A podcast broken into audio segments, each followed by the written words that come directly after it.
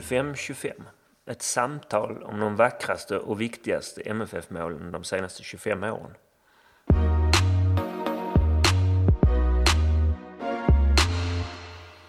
Mål 20.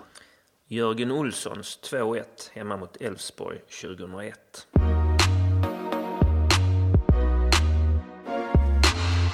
Målet. Ja, det är ett oerhört viktigt mål. Vi var alltså på väg mot eh, allsvenskt kval, ovisst och outhärdligt. Men då... Jörgen Olsson bryter ett uppspel på offensiv planhalva. Han eh, har liksom slängt sig ut och reser sig upp med bollen, stormar framåt målet och liksom drar målvakten i en rörelse där det ser ut som man inte ens behöver anstränga sig eller finta, bara gör det.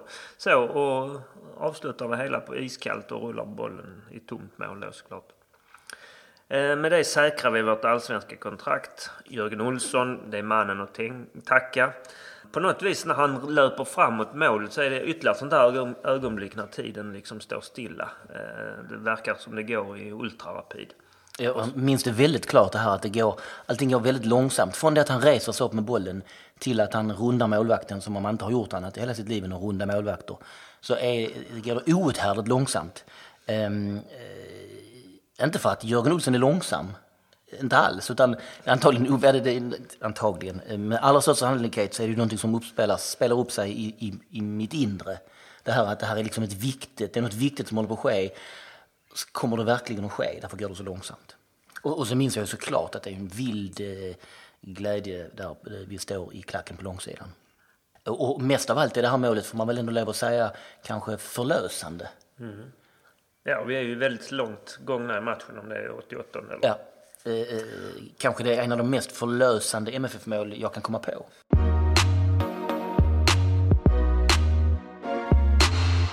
Tabelläget. Ja, det är dags för segmentet där Henrik berättar om matchens betydelse och var vi befinner oss i tabellen och så vidare. Läget är prekärt. Och det är faktiskt... för första gången väl på riktigt allvar, prekärt. Det är det sannoliken. För 2001 är ju året vi är tillbaka i Allsvenskan efter den nesliga superettan-året 2000. Och det är ett år som börjar väldigt bra. Vi gör stor succé med Zlatan i de första matcherna. Eh, vi vinner de tre första. Eh, och eh, även om det hackar och vi till exempel har ett riktigt bottennapp en bit in, förlorar 6-0 hemma mot Göteborg. Så finns det också höga, vad säger man, höga toppar. När vi slår Trelleborg borta med 4-0, vilket var egentligen var en total otänkbarhet på den tiden att vinna stort över Trelleborg, som ju var något av ett spöke för oss. Eh, men det gör vi i alla fall och vi är bra med eh, ända fram till första halvan av serien då vi faktiskt ligger fyra som nykomling. Eh, blott ett poäng efter ledarlaget. Och då ska man säga att det, så här i efterhand så kommer man ihåg att vi var med, att vi började väldigt bra. De tre raka vinsterna och allt det där. Ehm, men att, att vi ska ha legat en poäng efter täten med ungefär hälften, det, det, det kommer man inte riktigt, riktigt så bra gick det inte, tycker man så här i efterhand. Men så var det alltså. Ja, eh, som sagt, det var en väldigt jämn allsvenska så vi hade väl ingen egentligen superpoängskörd men det var, så pass, det var så pass jämnt så vi var så pass bra med. Andra halvan av eh, serien inleds då illa eh, och fortsätter illa. De närmaste 11 rundorna eh, så vinner vi en match. Fyra oavgjorda, sex förluster. Vi tar alltså sju poäng på 11 matcher och det säger sig självt att då håller man sig inte kvar i toppen med. Så med två runder kvar hade vi visserligen den turen att vi inte kunde åka ur direkt. På den tiden var det ett lag som kvalade och den kvalplatsen var ett, en klar och möjlig realitet. Så när vi möter Elfsborg så är det näst sista omgången. Eh, vi har tre poäng ner till kval eh, och Elfsborg är mellan oss och kvalplatsen med två poäng bakom. Så förutsättningarna är egentligen att en poäng räcker för att säkra allsvensk kontrakt. Och det är klart att när ångesten som kanske förmedlar här. Den var ju högst rejäl för att vi hade ju nedflyttningen i väldigt, väldigt färskt minne. Och man hade egentligen hela säsongen känt att vi etablerar oss i Allsvenskan igen. Och det på något vis darrade hela stan eh, för eh, utsikten att behöva kvala. Mm, för att det var liksom en, eh, en etableringsfas och, och den kändes rätt klar. Inte bara för att vi hade startat så bra och vi var med utan också för att vi hade sålt Zlatan och hade en massa pengar. Så att, att vi skulle åka ner igen hade känts som onödigt med. Det är en under, understatement som man säger. Hur, hur som helst, eh, det stod 1-1 när Jörgen Olsson gör sitt mål. Skog hade gett oss ledningen i 62. Eh, Andreas Drugge kvitterade för Elfsborg med en kvart kvar och efter den, det kvitteringsmålet så spelade vi ju verkligen handsvettigt, det är det minsta man kan säga. Eh, men Jörgen Olssons mål kommer alltså i 88 och sen gör eh, även Erik Johansson 3-1 på övertid. Men vi, det är alltså ett mål som, som eh, räddar oss där och det, vi, vi har alltså ett läge där det är där vi vid förlust mot Elfsborg kan mer eller mindre räkna in eh, allsvensk kval eftersom vi avslutar sen mot AIK borta. Ja, det var väl inte helt garanterat men eh, risken var ju väldigt, väldigt stor. På något vis med den formen vi hade där och då så var det ju knappast att man tänkte sig att vi åker till Solna och tar poäng. Vilket vi inte gjorde sen heller men det spelar ingen roll som tur var. Vi sammanfattar alltså som att läget var prekärt.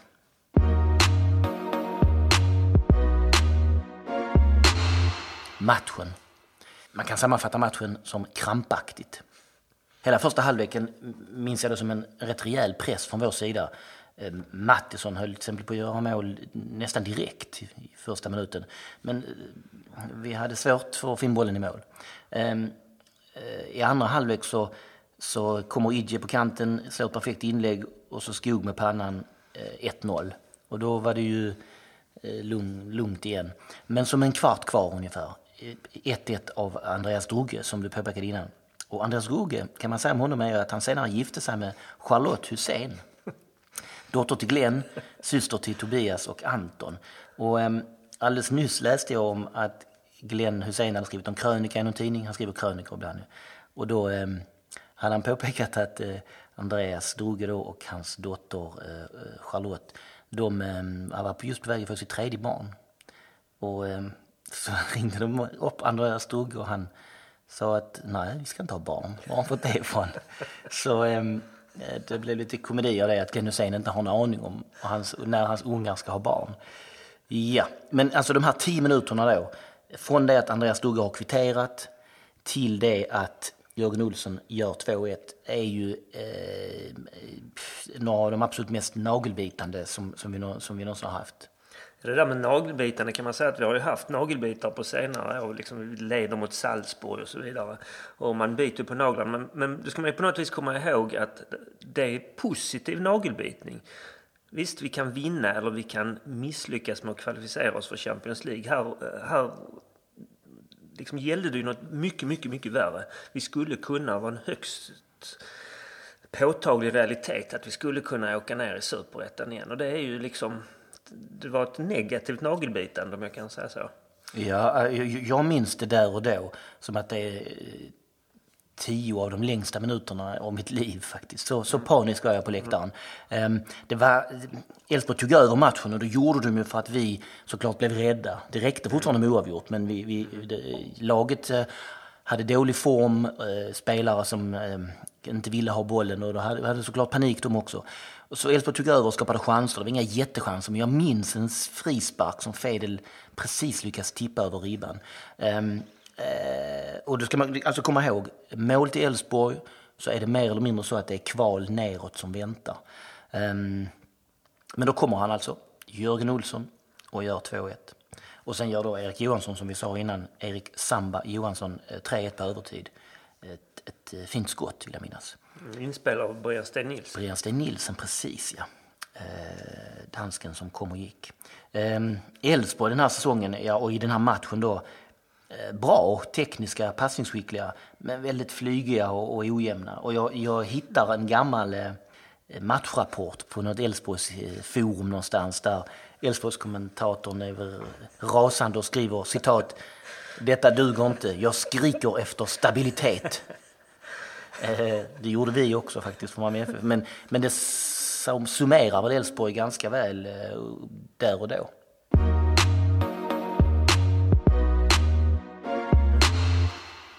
Målskytten? Jörgen Olsson. Den spelare i Malmö FFs historia med näst flest matcher utan att ha ett endast SM-guld. Eh, vi ska strax återkomma till den som har flest matcher utan SM-guld. Jörgen var i vår eh, trupp hos oss eh, mellan 1991 och 2003. lojal, inte en man av stora åthävor. Han gör 266 ligamatcher, 34 mål. Har många säsonger där han gör upp mot 6-7 mål, men får alltså inget SM-guld. Han är eh, delaktig i den här 16-åriga guld, guldtorkan där han, är, där han egentligen eh, börjar precis när den kör igång och slutar precis innan den tar slut. Han har mer eller mindre spelat på alla positioner i laget kan man säga. Han blir bästa målskytt i år, apropå det här med 6-7 mål. Han blir bästa målskytt 2001 med 7 mål. Eh, han formar mitt, mittfält till att börja med med Peter Sörensen. Eh, och eh, sen köper vi då in under sommaren 2001 Brian Sten Nielsen, alltså två danskar. Eh, sen är han vikarierande kapten början av 2002. Ehm, och det är ju liksom någonstans en spelare som det är lätt att, älska. Han gjorde alltid allt för laget, en lojal lagspelare som inte var en man av stora åthävor. Och han, han eh, stannade hos oss. Han är, han är fortfarande kvar. Han är ju vad är han? Han är tränare för ungdomslaget. Man ser honom ofta när man är för, förbi där. Jag träffar honom ibland på ICA Maxi när jag handlar. Han hälsar alltid väldigt snällt och, och, och, och liksom not, verkligen gör, gör, gör det tydligt att han har sett en. Sen har vi det där med jublet. Ja, sen har, sen har vi det här. Det här har jag och Henrik hållit på med länge. Alltså. Eh, vi, han kan ju inte jubla. Alltså, han gjorde ju må, rätt många mål, men han kunde liksom inte måljubla. Ehm, jag har själv skrivit en gång så här att efter, eh, så här, efter varenda Jörgen Olsson-mål eh, så ser han alltid lätt vilsekommen ut. Vet inte hur han ska agera. Sträcker armarna i luften såklart, men ser sig omkring undrandes, gör jag rätt? Och det är som ett litet barn som försöker härma de vuxnas språk. Mm. Och du, du har själv kommenterat att det, det påminner om någonting annat liksom. Ja, jag tänker någonstans så, det är ju inga volter och det är inga sådana här små hjärttecken upp mot läktaren med, med fingrarna. Utan det är lite sådär en eh, lite äldre man på Allsång på Skansen som liksom sjunger med och lyfter armarna. gör det här. Det är svårt att se på ljudinspelningen kanske. Men, men nu får du inte detta tolkas som att vi liksom sitter och hånskrattar åt detta. Utan nej, det är nej. verkligen så att vi älskar det. För koreograferade målgester är ju faktiskt rätt så fånigt. Det är mycket, mycket, mycket, mycket bättre att vara som Jörgen Olsson. Ja, och det är ju roligt också för nästan alla har ju någon målgest eller blir förskräckligt glada när de har mål. Det är ju också roligt, men det är, det är roligt att vi har haft en spelare som har varit hos oss så här länge och gjort så många mål ändå som inte liksom, även mot slutet, när han hade gjort 30 mål, inte mm. riktigt visste hur, hur det här skulle gå till att man jublar. Men Eller om han inte blev så glad kanske, man vet ju inte. Nej, nej, nej kanske det. Det är ju som Marcus Hallst i någon intervju som jag gjorde med honom en gång påpekade att eh, han förstod inte riktigt vitsen med det här att man skulle jubla efter ett mål för matchen var ju inte slut. Det var liksom att ta ut någonting i förskott som han inte riktigt begrep sig på. Um, ja. ja, det är en infallsvinkel. Ja, men, men då ska man säga också att just i det här målet detta som han gör, detta mm. hans viktigaste för oss antagligen. Mm. Där är det faktiskt så att han eh, vrålar rätt ut mot oss i klacken. Mm. Det är unikt på det viset. Ja, det, det, är väldigt ovanligt för Jörgen Olsson. Men han, han, han liksom, eh, det här kom väl, det här var väl bara ett känslomässigt mål som kom ur, ur, ska vi säga hjärtat snarare än hjärnan. Så han brydde sig liksom inte riktigt om huruvida han kunde jubla eller inte. Nej, apropå Halse där så är det ju verkligen så att här vet ju alla att vi har säkrat det. Ja, och det är ju liksom att han springer ut mot ståplats och spänner kroppen lite bakåt och så faktiskt vrålar. Vrålar? Jag, jag, jag minns det också som ett vrål, ja. Mm.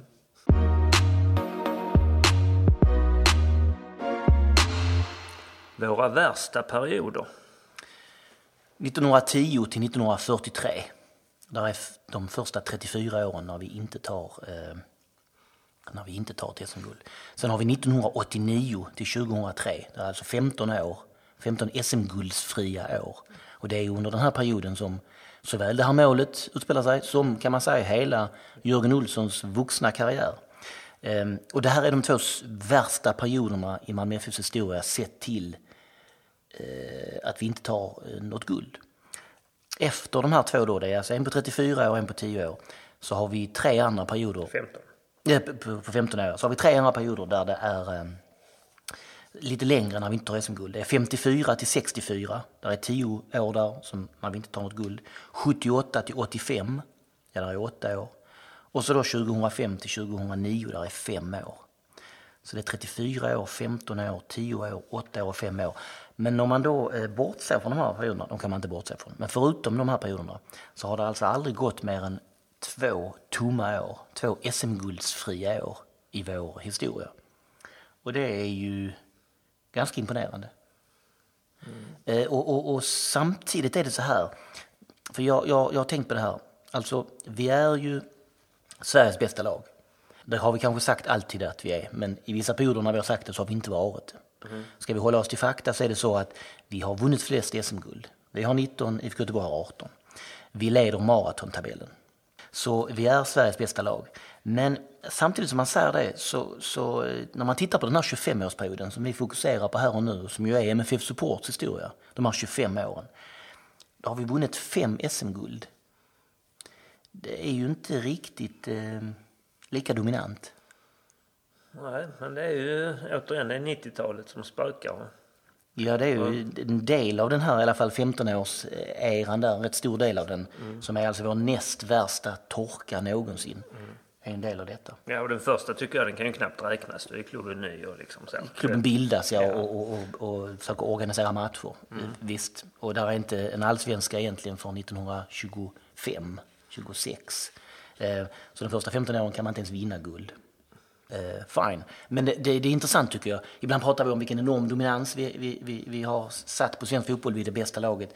Men lite grann beroende på hur man vinklar det historiskt. Ja, så kan det också ses som att så himla stor dominans har vi inte. Nej, Göteborg har ju betydligt fler guld under MFF supportåren. Kanske dum sak att säga, men så är det ju faktiskt. Ja. Eh, bistert men sant. Mm.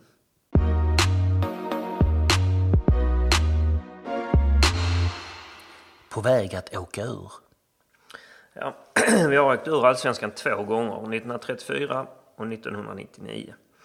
1934 var det på grund av att eh, det förhatliga IFK Malmö i maskopi med Svenska fotbollsförbundet Usch. tvångsdegraderade oss. Och andra gången var det ju ingen annan anledning egentligen utan att vi var bottenlöst usla. Tyvärr. Eh, och då också bröt vår vad det nu blir, 63-åriga närvaro i högsta serien. Eh, men vi har varit ganska nära, ganska, ganska nära i alla fall, några gånger till. Mm.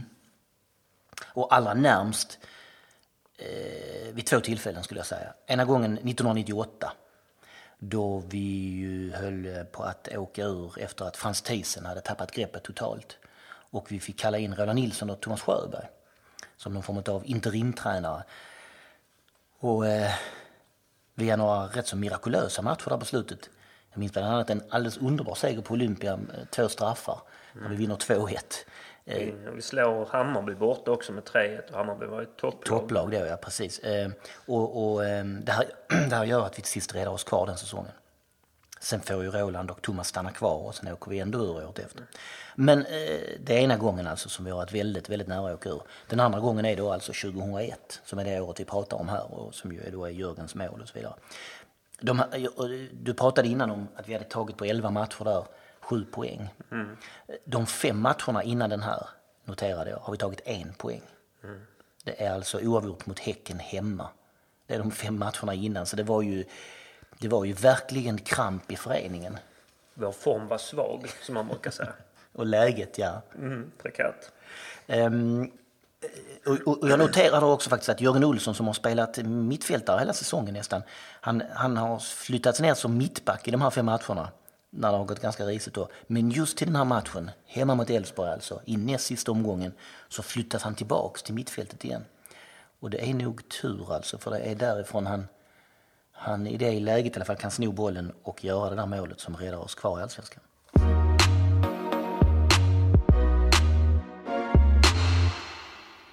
På plats, ja vi sitter här med eh, Jörgen Olsson som ju är målskytten till det här målet. Och den, den första frågan som vi börjar köra igång med är ju, kommer du ihåg det här målet? Absolut, det, det gör jag fortfarande. Det, vissa mål kommer man ihåg och andra eh, kanske man inte minns så, kanske om någon påminner om en där. Men just detta målet har jag fått se rätt så många gånger på, på tv och på, eh, ja, på, på datorn också. Där. Så, att, eh, så, det, så det kommer jag ihåg. Skulle du kunna ta oss igenom det liksom? Eh, ja, det var ju eh, egentligen jag kommer inte ihåg varför, egentligen varför jag började fram, men jag spelade mittfält den matchen. Och, eh, men det blev ändå att jag klev fram på något sätt och skulle stöta på deras eh, backlinje där. Eller, jag, jag såg väl nog egentligen att backen hade inte riktigt kontroll på bollen. Det hade varit bra läge att gå fram och sätta press. Att han i alla fall inte kunde spela bollen framåt utan max bakåt där. Men så blev det liksom ändå att han tappade kontrollen på bollen och jag kunde stöta fram och egentligen lite kastar man väl egentligen lite fram in i, i duellen där. Eh, och, och vinner bollen och han blir liggande. Så jag har egentligen ja, fritt blås ända fram till, till målvakterna. Det är, jag tror det ändå är 35-40 meter fram till, till, till målvakten där. Men eh, det, det, var en god känsla där när man fick bollen. Sen på vägen fram hinner man ju tänka såklart eh, en hel del där. Men eh, jag var ju egentligen, eller är ju egentligen gammal anfallare från början. Så, att, så någonstans så hade jag ändå det i huvudet att när jag kom fram att ja, men runda målvakten är alltid ett säkert sätt. Skjuter man så kanske han hinner få ut en ben eller en hand där. Och, eh, så jag hade liksom någonstans ändå att ja, men, jag ska runda han liksom. Och, så, eh, och, det, och det gjorde jag ju också. Och sen eh, var det bara att sätta dit den. För det är nog en av dem man tänker sådär, spelare kommer fria runda målvakten. Det, som jag minns det, min minnesbild av det, att det, det är helt liksom, det bara sker i, i steget liksom. Precis. Det, det är helt utan ansträngning. Nej, nej, men det blev precis, det blev liksom, kom ett bra flyt där liksom och sen så eh, Sen är det ju lite så att det är det som oftast, eh, vad ska man säga, vem tar första steget? Det är samma med anfallare och försvarare. Liksom. Vem tar första? Samma här på målvakten. Och nu tog han ju lite första, eh, första steget där. Och då blev det liksom, som du sa, det ser nästan ut som att ja, men det var bestämt sen innan man bara flyter förbi där. Eh. Det, det är minnesbilden från läktaren också, att man var förbluffad över din kyla i, ja. för, det, för det ska vi återkomma till det här målets tyngd. Liksom. Mm, men, mm. men eh, det hinner man kanske inte tänka på när man är på väg framåt, hur nej, viktigt ett nej, nej, kan nej, bli. Nej, inte just då. Det, jag, jag vet att matchen var viktig innan. Det, det visste vi om, att att den var det. Och att under matchen också, att att man kände ibland att Elfsborg, de tog över matchen också där och det kändes som att ja, det var jobbigt ett tag där. Eh, och sen så när då detta sker så får vi lite ny energi och vi har lyckats göra ett mål till efter där. Men eh, det, det, nej, det, det gav energi i alla fall. Där. Men, eh, och, och, om vi då ska återkomma till det här med matchens tyngd. Eh, Henrik, vi börjar med dig då. Du, varför är det här målet så viktigt och vad, vad, vad, vad, betyder det? Liksom? Ja, det är ju en säsong då som är tillbaks mm. i Allsvenskan. Börjar bra den här mm. säsongen. Det är succé med Zlatan och efter halva säsongen ligger vi ju ganska bra till. Precis. Och med vi menar Malmö FF. Eh, men sen går det inte lika bra under hösten. Det här är mm. näst sista mm. omgången. Men mm. Eh, på hela den här andra halvan av säsongen mm. har vi hittills vunnit en match. Mm. Mm. Um, vad liksom som du minns det, finns det någon anledning till den där dippen? Liksom, att det... Nej, jag, jag, jag, kommer faktiskt inte riktigt ihåg just varför. Och inte att det bara vi hade vunnit en match. Jag vet att det gick tungt under, under hösten där, men, men inte att det var riktigt så tungt kanske mm. där. Utan jag trodde att eh, vi kanske hade, hade någon seger till där. Eh, som jag minns det. Men det, det, det låter som att, och då, då gör jag ännu mer att det var en tung match liksom att eh, då, som du sa, man har vunnit en match och så ska man då, och sen vet vi att vi har AIK i sista där. Så det. det. var ju liksom, låg liksom på axlarna på något sätt där. Och sen tror jag att oftast är det lite samma som, även om inte vi räknar oss kanske MFF som nykomling, men vi var ju också nykomling eh, mm. som du sa där.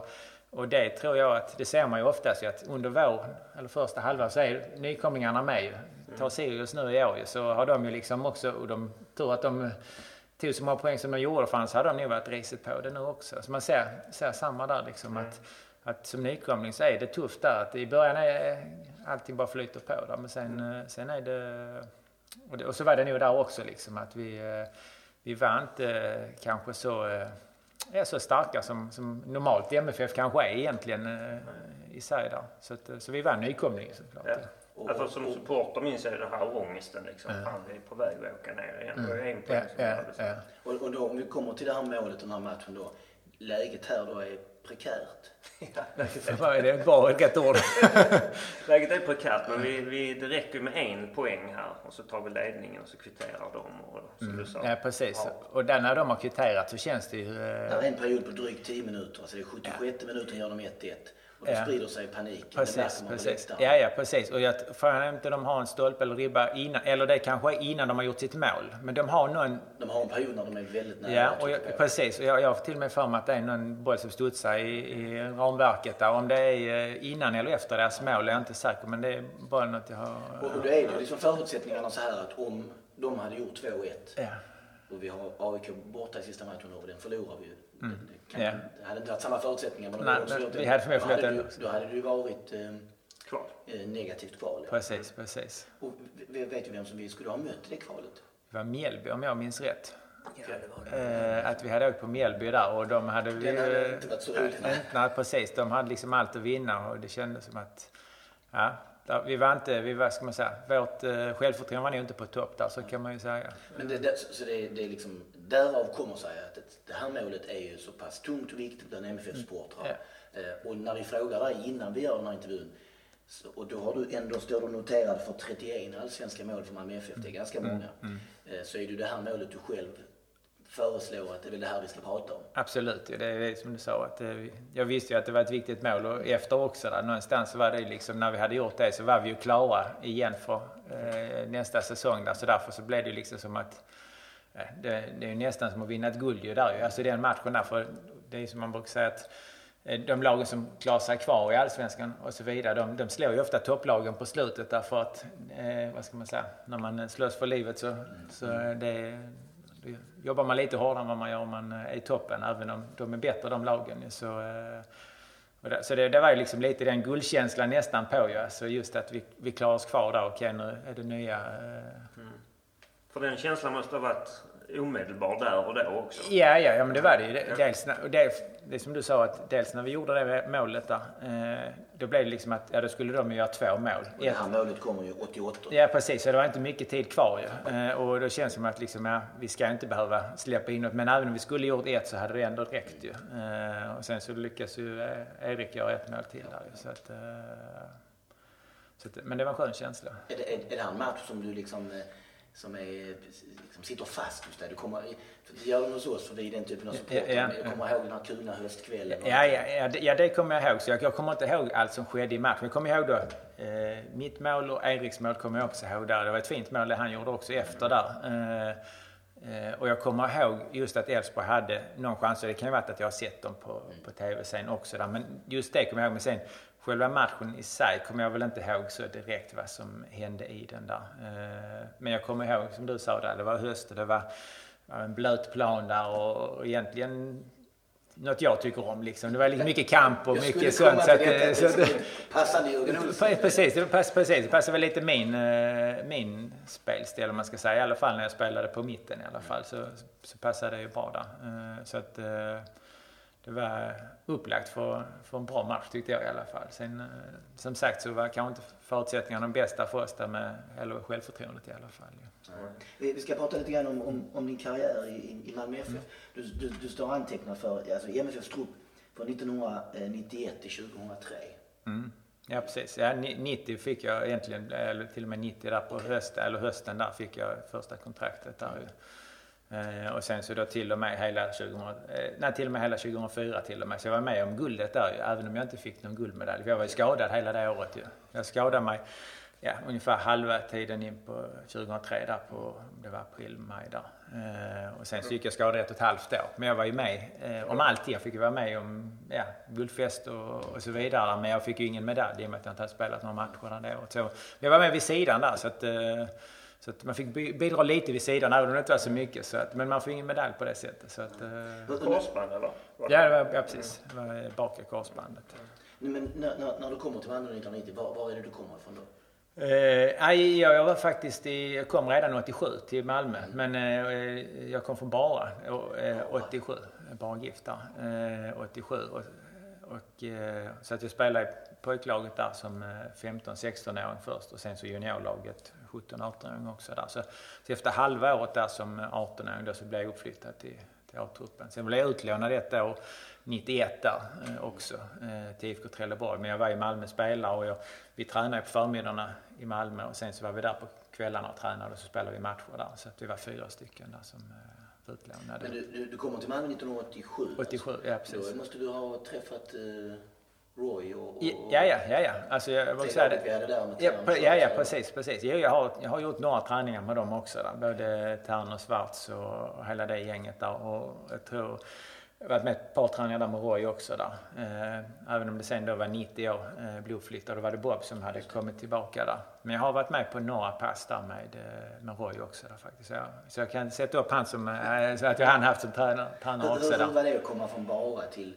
Malmö FF som ganska ung då? Och, och, Det var ju stort. Alltså för, på den tiden så var det ju så att för mig så var ju som folk kollar på United och sånt idag. Var- ja men mitt lag var MFF då ju liksom. Att, så det var liksom storlaget på den tiden. Och även om man kanske tittade redan lite då på engelsk fotboll och sånt. Men, men då var det ju Malmö som var, var det stora laget där ju. Så att, eh, så det var ju såklart stort och sen va, jag, jag var, hade ju varit med i Skånelag och sånt eh, alltså, eh, redan innan. Jag hade ju träffat en del av spelarna innan också, de som spelade i laget där. Och jag var redan aktuell egentligen när jag var 14 år och, och flyttade över där och sånt. Eh, de hade varit på mig om jag inte skulle flytta över där, men jag var själv inte redo för det då kände jag. Utan, nej, jag så jag spelade kvar i Bad. Då var jag med i Skånelag och träffade ju lite dem där under det året också. Och sen så hann man liksom smaka på det. Så, att, så det var, kändes som att man ändå var lite förberedd, i alla fall mentalt, att, att flytta över den när man var 15.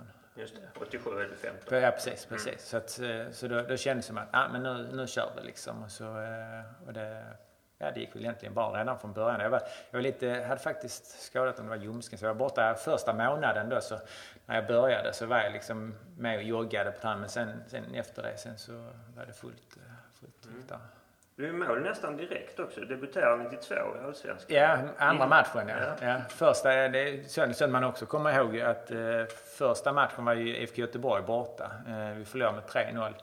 Och där kom jag ändå in eh, sista halvtimmen, Dan Cornelius som blev skadad där, så kom jag in eh, då är en halvtimme kvar. Har faktiskt en målchans där också i den matchen där, men Ravelli tar, tar den där. Så att, eh, lite, lite surt i sig såklart. Men, eh, men sen så då var det Öster matchen efter där, så vann, eller om det blev 2-2. Eller 2-1. 2-2 var det kanske. 2-2 var det. De, de, de, de kvitterade ner på slutet, ja precis. Eh, men där gjorde jag ett mål i alla fall. Så att, eh, men det var jag anfallare första året.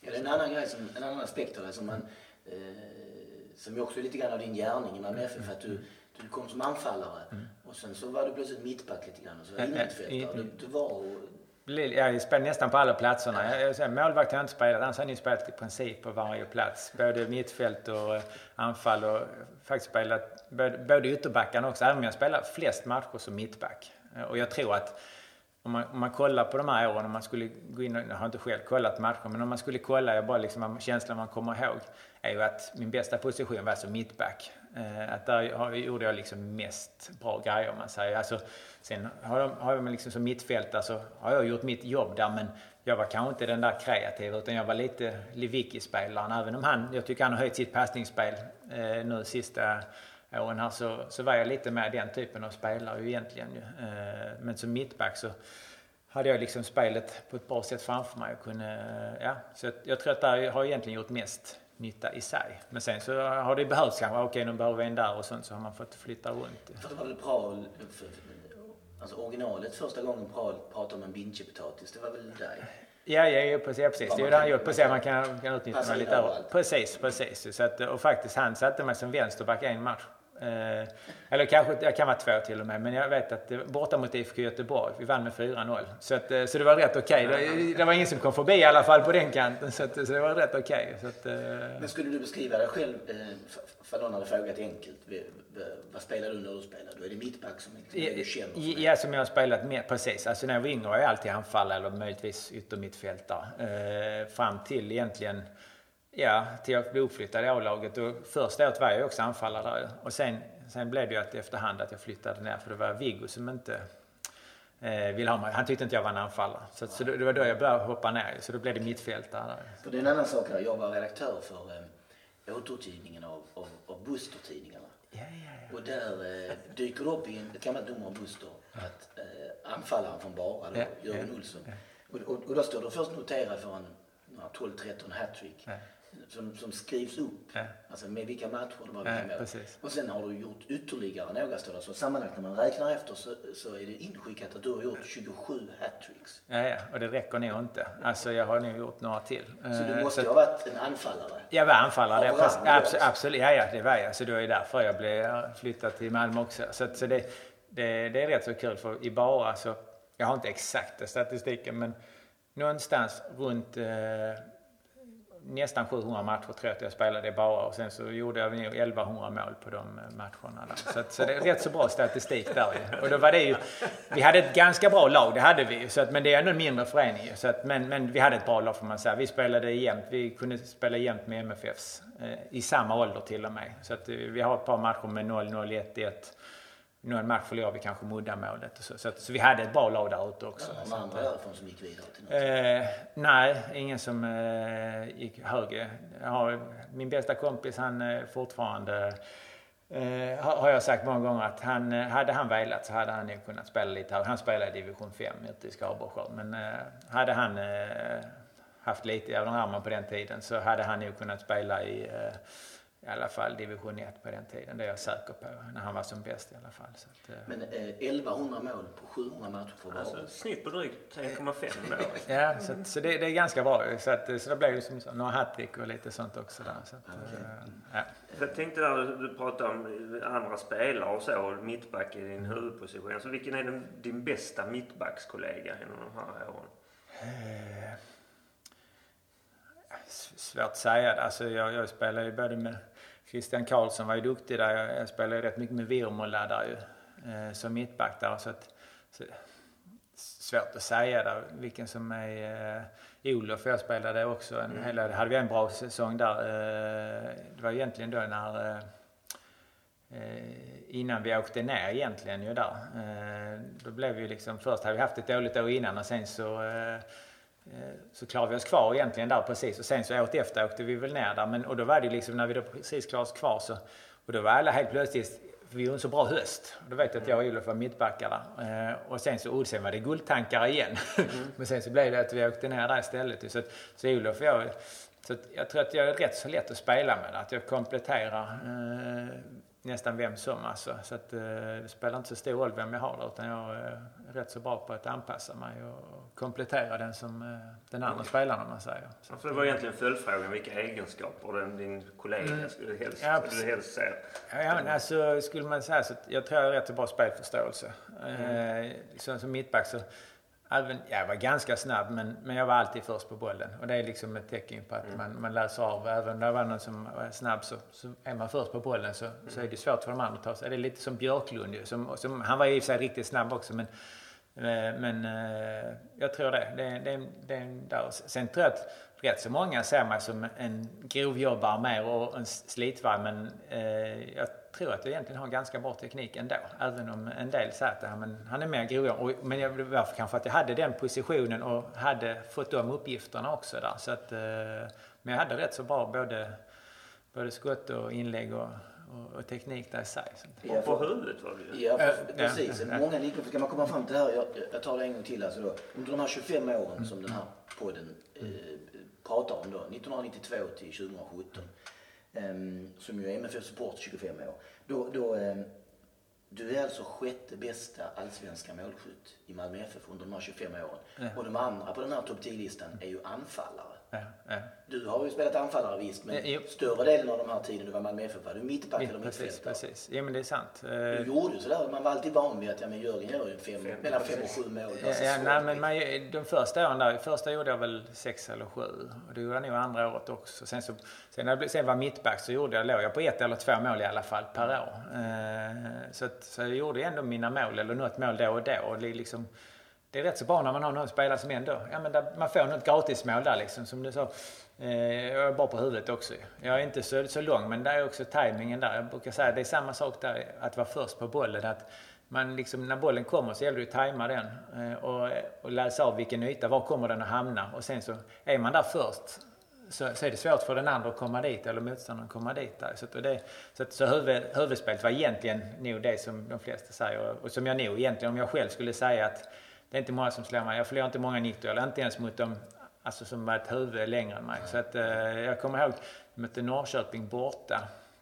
Eh, Kenneth Andersson spelar där och jag, jag tror han fler nickdueller än vad han gjorde. Så att, eh, och det, det är sån grej som man också kommer ihåg liksom att det är rätt så nice att slå en eh, som då är huvudet längre egentligen och en som kanske var en av världens bästa just på huvudet på den tiden. Ja. Så det, det var rätt sån grej jag kommer ihåg också just med huvudspel. Det är ju någonting vi pratade om alltid också att det var ju givet liksom. Nickdueller var aldrig någon fara för att... Nej, nej. Eller de gånger du inte vann dem så såg du alltid till. En annan sån sak som jag alltid retar man på några andra inte gör i dagsläget. Även om man inte vinner nyckelduellerna så stör man åtminstone den andra precis. så att de inte kan, kan få den dit de vill. Precis, precis. Ja, men det var lite sådana grejer som, det var jag bra på egentligen. Alltså, eh, och sen så, de grejerna som jag sa själv där kanske som många inte tänkte på, ja men teknik, ja, det var inte så mycket. Den fanns där också men jag kanske inte använde det så mycket i sig där. Sen så, sen är det, kan man, är jag själv lite sån att som mittfältare, jag, jag gjorde mitt jobb där och, och var bra framåt mycket. Jag var bra på djupledslöpningar och fylla på och sånt. Men jag var kanske inte så bra på att spela felvänd. Eh, och det var, men jag fick aldrig lära mig det. Eh, för att på den tiden, så, det man hade, det hade man och så körde man på det. Det var ingen som visade, det var Tom. Jag tror att eh, Hasse har, har, sagt det flera gånger när, när han har blivit intervjuad eh, Mattisson då att, eh, att Tom, han hade inte heller, visste inte heller på mittfältet liksom ta emot bollen halvvänd och kunna eh, ta sig framåt direkt istället för att ta emot den bara felvänd och alltid spela hemåt. Eh, och det var Tom som lärde Hasse det och, och jag spelade ju lite på mitten då också där men jag har aldrig riktigt fått lära mig det och kom inte in i det. Utan så, så där var jag liksom inte. Men som mittback då hade man spelat framför sig, kunnat spela framåt anfallare, då, då, var det lite annorlunda. Där spelar man ju ofta helt felvänd nästan på i utgångsläget i alla fall. Så, att, så det blev inte riktigt samma. Just mittfältet, där behövde du liksom både och. Och jag fick aldrig den. Så att, sen klarade jag mig där, men jag var inte den som var, eh, var bekväm med att få bollar liksom felvänd och kanske vända med bollen där. Så att, det är ju är något som man kanske hade velat utveckla eller kanske någon hade lärt eller visat en del. Så man kanske kunnat höja det spelet ytterligare, just mittfältsspelet. Där. Om, om, om man säger då, vi pratar om det här målet och det här är det vi har valt ut och det är ditt tyngsta liksom. Men det är 31 allsvenska mål, 30 till. Är det någon andra du själv känner som du tycker är det första pratar vi om såklart, det minns man Ja, ja, ja, precis. precis. Några andra sådana allsvenska mål som, som du liksom alltså, sitter det, kvar? Alltså jag har gjort några, rätt många nickmål har det ju varit ju där man kommer, jag vet ett mot Örebro där. Eh, eh, ja, det, det, som sagt det är rätt många nickmål där på hörnor bland annat, det som har varit uppe och, och nickat in där ju vet jag gjorde något, jag tror det var 2002, där då spelade jag på mitten där med Tom. Då gjorde jag något mål, jag tror det var Elfsborg borta där också, där jag vände bort. Och, så att, så att det, ja, det är ju några som sagt. Men, eh, ja, jag minns ett, minns ett nickmål borta mot AIK på Råsunda 2000. Ja, där var nog ett där. Ja, precis. Så kan ni ha varit också där. Precis, precis. Ja, just det, just det. Ja. Jag minns ju det här med Boys också. Ja, och sen Boys, ja precis. Den, är rätt så rolig där. För det är lite, precis, ja, ja, ja, precis, precis. Han, han tror han skulle nicka in det, men jag, jag, jag, vi slåss om samma boll där. Men det är just lite där ja men att vara uppe först. Eh, eh, så jag var till och med uppe före han. Så att, eh, oftast är det motståndare, men, men det var ett rätt roligt mål just det mot Boys där. För då, då var vi ju nära det året också, att ta guld. Alltså, jag, det är en del som har, har, har frågat eh, men, att nu jag missade 2004, att jag inte var med och, och fick eh, någon guldmedalj där eller eh, tog guld. Eh, om det var det närmsta jag var att ta ett guld så brukar jag säga att nej, 2002 var, var jag faktiskt, det var det närmsta jag var ett guld. För då ledde vi serien när det var fem omgångar kvar med, tror det var fem poäng. Eller, kan det inte vara det? Jag tror det. Jag mött Djurgården borta tror jag, och jag skadade mig i den matchen. Eh, så jag spelade inte de sista fem matcherna det året. Och då fick vi en, alltså, jag kommer inte ihåg vem det var som fick komma in på min plats, men någonstans, vi hade spelat nästan med samma lag hela året. Eh, och det var, det var ändå liksom samspelt där. Vi hade liksom, man, har liksom, man vet att ja, men detta, så här, då, det är ingen som kommer åt en. Liksom. Eh, som vi mötte, jag vet att vi mötte HIF både först i serien tror jag, sen ska vi vara uppe på Olympia och mötte dem i kuppen också en, en vecka senare. Och sånt. Det känns som att vi ska börja gå upp och, och hämta sen. Vi vann med 3-0 tror jag, den andra matchen där. Eh, och att man, man, liksom, man har bara en styrka, man känner att det är ingen som kan slå oss ungefär. Och det hade vi ju där. Men då blev det ju lite förändringar där. Jag hade spelat alla matcherna, jag kom ut, gick ut eh, och så kom det in någon ny. Och det, då, är det liksom, då blir det lite förändringar. Det kan räcka med en spelare ibland och jag tror att det var det närmsta jag eh, har varit eh, en guldmedalj. För jag tror att hade jag spelat eh, någon av de sista matcherna så tror jag att vi hade tagit det. Jag brukar säga att jag var inte den bästa spelaren men, men laget var starkt då. Eh, Men så blev det lite förändringar där. Det kan vara att det var någon ytterligare förändring också där. Men jag tror att det är det närmsta guld jag har varit i alla fall. Jag minns ju från det året att vi tappar. Vi leder 2-0 upp i Örebro. Precis, Och precis. Ja, den sitter jag och kollar precis. För hade vi tagit den så hade vi tagit det. Då satt jag hemma och kollade på den. kommer jag ihåg så väl. Alltså, det Och var... det eh, just, vi ska inte baktala folk i den här podden, men det är Jussi Norrala som får spela mittback där. Han, Så han var har det. inte spelat Nej, sina mycket nej just, just annars. det. Nej, det var, jag, jag kom, nu när du säger jag kommer Det ihåg den inte också. lätt heller för en spelare att komma in Ja, och, som ny och, pre- precis, precis. Det är, i, en, i en maskin som fungerar. Precis, precis. Så att, eh, nej, alltså den, eh, den matchen kommer jag ihåg också där. För det var liksom, det, där rann det liksom någonstans ur eh, händerna där. Eh, vi ledde väl med 2-0 var det väl också Ja, va? Och så precis. tappade vi upp till 2-2 blev det nog va? Ja, Men, de är eh, två, två sent. ja precis, ja, precis. Och hade vi fått en trea där så hade vi eh, haft tillräckligt mycket för att klara oss. Och vid ställningen 2-1 så har vi Peter Idje, en, Ja, en vansinnig dribblingsräd längs Kora Hamrin längs Ja, ja just det. Just det. Ja, så Saker det var... saker som kan reta Ja, precis, precis. Så är det. 15 år senare. Ja, men, ja, men så är det lite. Det är liksom, men, men sen är det ju att det är inte lönt att gamla sig sig. Men, men jag tror att det var ändå det närmaste. För där var vi, vi var starka det året faktiskt. Det var lite synd eh, faktiskt. Om, vi om, inte- om, man- om man då ska titta lite grann på, du har varit i Malmö, alltså mer eller mindre har du varit en del av Malmö FF sedan 1987. Mm. Det är ju ganska lång tid. Det är närmare bestämt eh, 30 år. Mm. Och, och då har du varit med under den här resan som Malmö FF har gjort. Först kom du dit som ungdomsspelare, sen var Mm. du spelare. Sen har de sakta men säkert gått in och blivit eh, tränare, ledare Precis, precis. I, i Malmö FF.